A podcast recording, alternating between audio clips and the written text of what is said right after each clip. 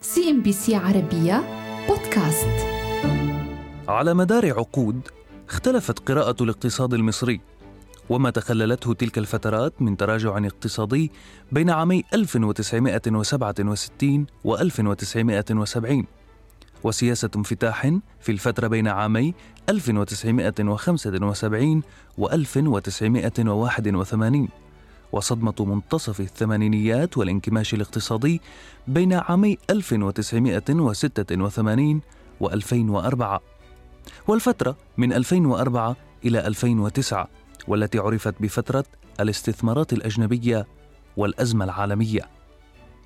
لكن قراءتنا هنا حديثة نسبيا تلقي الضوء على نهج سنوات قليلة مضت.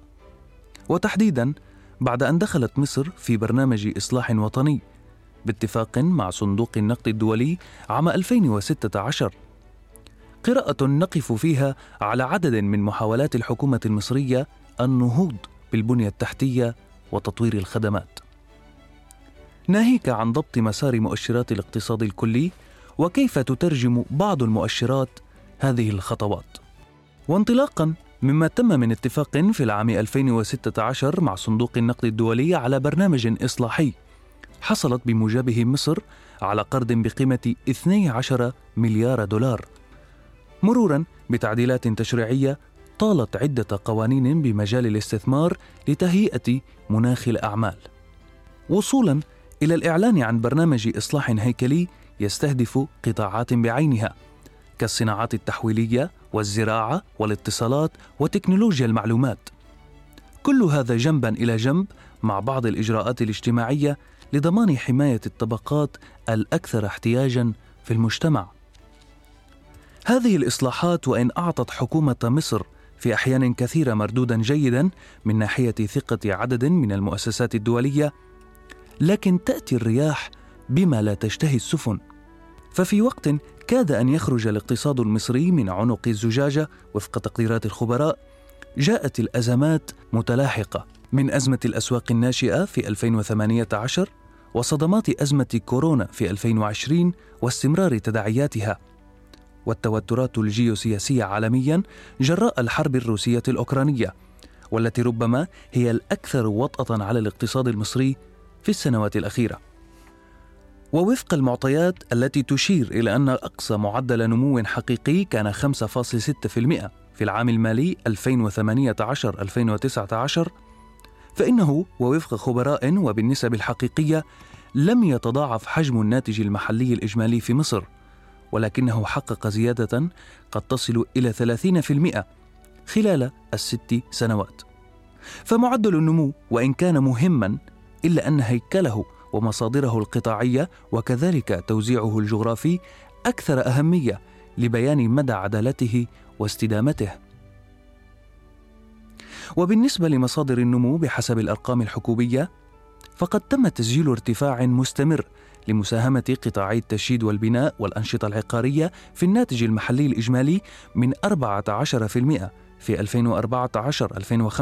2014-2015 إلى 19% في 2020 2021 لكن بالمقابل فإن هذه القطاعات يصفها الخبراء بأنها غير إنتاجية ولا تخلق فرص عمل مستدامة بينما في المقابل ظلت مساهمة قطاع الصناعات التحويلية شبه ثابتة تدور حول 16 إلى 17%.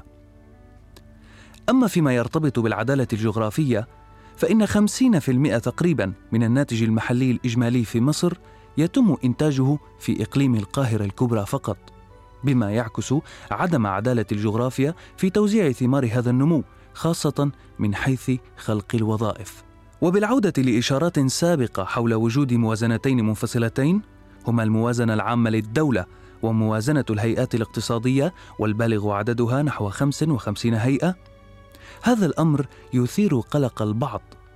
آخذا بالاعتبار مدى الترابط بين استقلال موازنات الهيئات الاقتصادية والمسؤولية الكاملة عن مديونيتها مع طرح التساؤل حول آلية تقييم أولويات الإنفاق المتبعة لديها.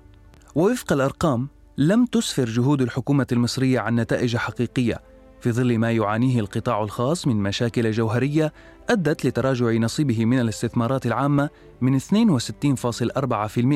في 2011-2012 إلى 26.3% في 2020-2021 وسط وجود عدة تحديات من بينها المنافسة على تنفيذ بعض المشروعات مع جهات حكومية وسهولة التمويل بأسعار فائدة مناسبة. فيما تشير بعض التقديرات إلى أن القطاع الخاص بمصر به ما يزيد عن 17 مليون عامل. وضمن الحلول على الطاولة لتمكين القطاع الخاص تخطط الحكومة لإشراك القطاع الخاص في الأصول المملوكة للدولة بعشرة مليارات دولار سنويا لمدة أربعة سنوات. وطرح عدد من الشركات التابعة لجهاز مشروعات الخدمة الوطنية بالقوات المسلحة بالبورصة المصرية وأخرى ضمن برنامج الطروحات الحكومية. لكن المعضلة والتي يراها البعض هنا تأتي تحت جملة الشيطان يكمن في التفاصيل.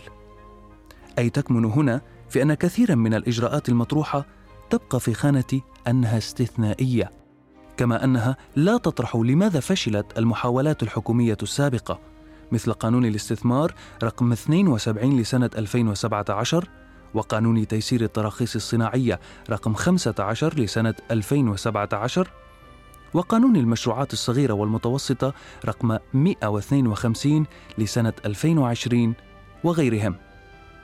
ناهيك عن عدم القدرة على تقدير الأوضاع وحسابات دراسة الجدوى للمشروعات بالنسبة للمستثمر لفترة تضمن صحة حسابات تحقيق عائد. وذلك جراء كثرة التغيرات قانونيا وتشريعيا وماليا خلال فترات قصيرة. CNBC عربية بودكاست.